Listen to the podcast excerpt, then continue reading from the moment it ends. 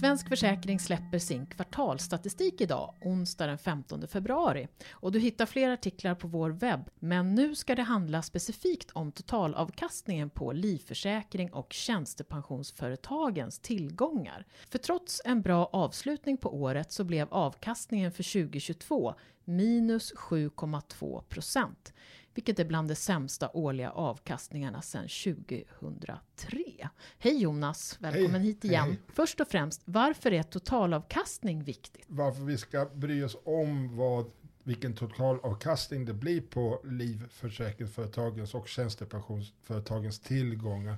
Det beror på att, att det här blir avgörande också för hur mycket man får i pension om man har vissa typer av försäkringar. Och då handlar det framförallt om de försäkringarna som innebär att det är företagen, eh, tjänstepension och livförsäkringsföretagen som förvaltar och placerar dina pengar.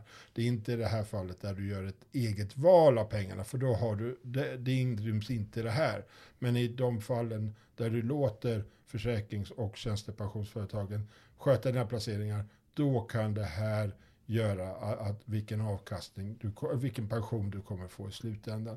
Och det är också så att det här visar lite grann också vilka möjligheter som de här företagen har att uppfylla sina åtagande för att om det blir så att det blir för låg avkastning under många år så kan de få lite problem med den avkastning som, som finns för att egentligen kunna, kunna svara upp mot vad man har utlovat. I nyheten som publiceras idag så framgår att totalavkastningen under 2022 var minus 7,2 procent. Varför blev den så låg förra året och är det här någonting specifikt för Sverige? Att det blev så lågt under 2022 beror på den dåliga utvecklingen som var på aktiemarknaderna i Sverige och globalt. Och, och det hade ju sin följd bland annat i, i, i kriget i Ukraina. Eh, som har påverkat eh, aktiemarknaden negativt. Och vi har också den höga inflationen och att räntorna har gått upp till följd av att centralbankerna har infört högre styrräntor för att bekämpa den höga inflationen.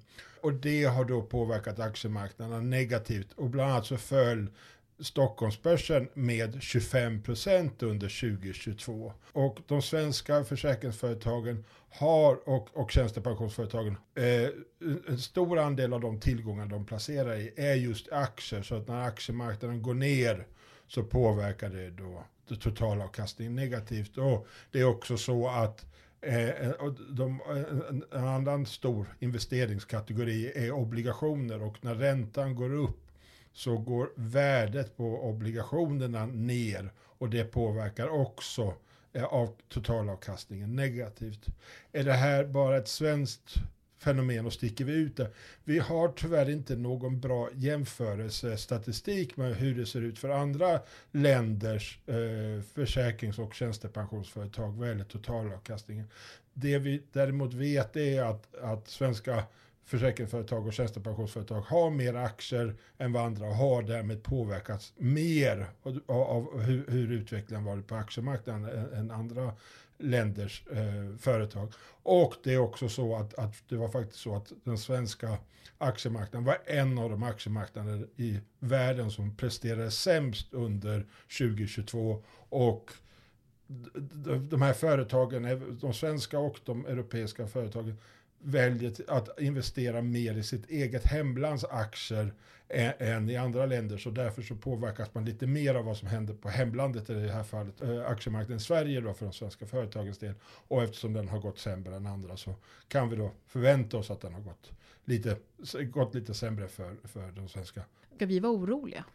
Ja, den var låg under 2022 och det här var tillsammans med 2008 så var det här faktiskt den lägsta totalavkastningen som vi har sett under de här perioderna och 20 åren som Svensk Försäkring har statistik över totalavkastningen. Så på det sättet så sticker verkligen 2022 ut. Eh, men man får, när man tittar på det här så får man titta ur ett längre perspektiv. Det, vi, det, här är långsiktiga placeringar, långsiktigt pensionssparande. Och då får man titta på hur det har gått andra år också och inte bara ta ett enskilt år. Tittar vi tillbaka till exempel under 2021 så var totalavkastningen uppe på 16 procent. Så att det, de väg, tar ut varandra en del. Äh, goda år och så kommer lite sämre år. Och istället så kanske man ska titta över en längre tidsperiod och titta på vilken avkastning som har varit i genomsnitt under en 10-årsperiod eller en 20-årsperiod. Och tittar vi de senaste 10 åren, då, vilket också inkluderar 2022, så har den genomsnittliga årlig avkastning varit 6,4 procent. Och tar vi ett längre tidsperspektiv, 20 år, så ungefär samma siffror. Och, och det får man säga är, är, är något, visar ju ändå på något sätt att, att det har varit god total och, eh, avkastning. Och det här är en period där vi haft låga räntor och låg avkastning på obligationer. Så att det här är ändå höga siffror och med tanke på den tidsperiod vi har varit inne i under många år här. Så att, så att på det sättet så ser jag inte att det här enskilda året 2022 är någonting vi bör vara oroliga över. Och vilka förväntningar kan vi ha framåt? Det är också lite svårt att sia och sia hur de Jag trodde du hade en spåkula. alltså, så väl är det tyvärr inte. Det, det man kan säga är ju lite grann att, att sämre år som 2022 har ofta följts av goda år. Det var till exempel fallet när vi hade 2008 när det var en, en låg totalavkastning liknande den vi hade i år så, eller 2022, så blev eh, nästkommande år väldigt bra. Eh, hög totalavkastning, det vill säga 2009. Så att det man kan se är att, att det, det, brukar komma bra år som, som följer. Och det, det är ju någonting som, som, gör att, som gör att vi kan ha starka förhoppningar om att, att 2023 kommer bli ett bra år. Och vi kan också se att aktiemarknaden i, för 2023 har börjat starkt.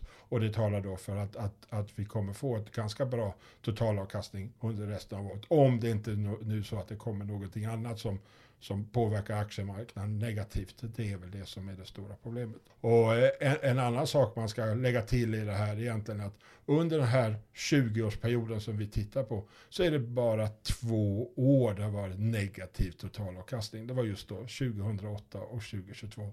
De övriga åren så har det varit positiv totalavkastning. Då ser vi på tillförsikt för på 2023 då? Ja, det är det. Och så får vi återse så här någon gång under början av 2024 och diskutera totalavkastningen 2023. Då. Det är en bokning.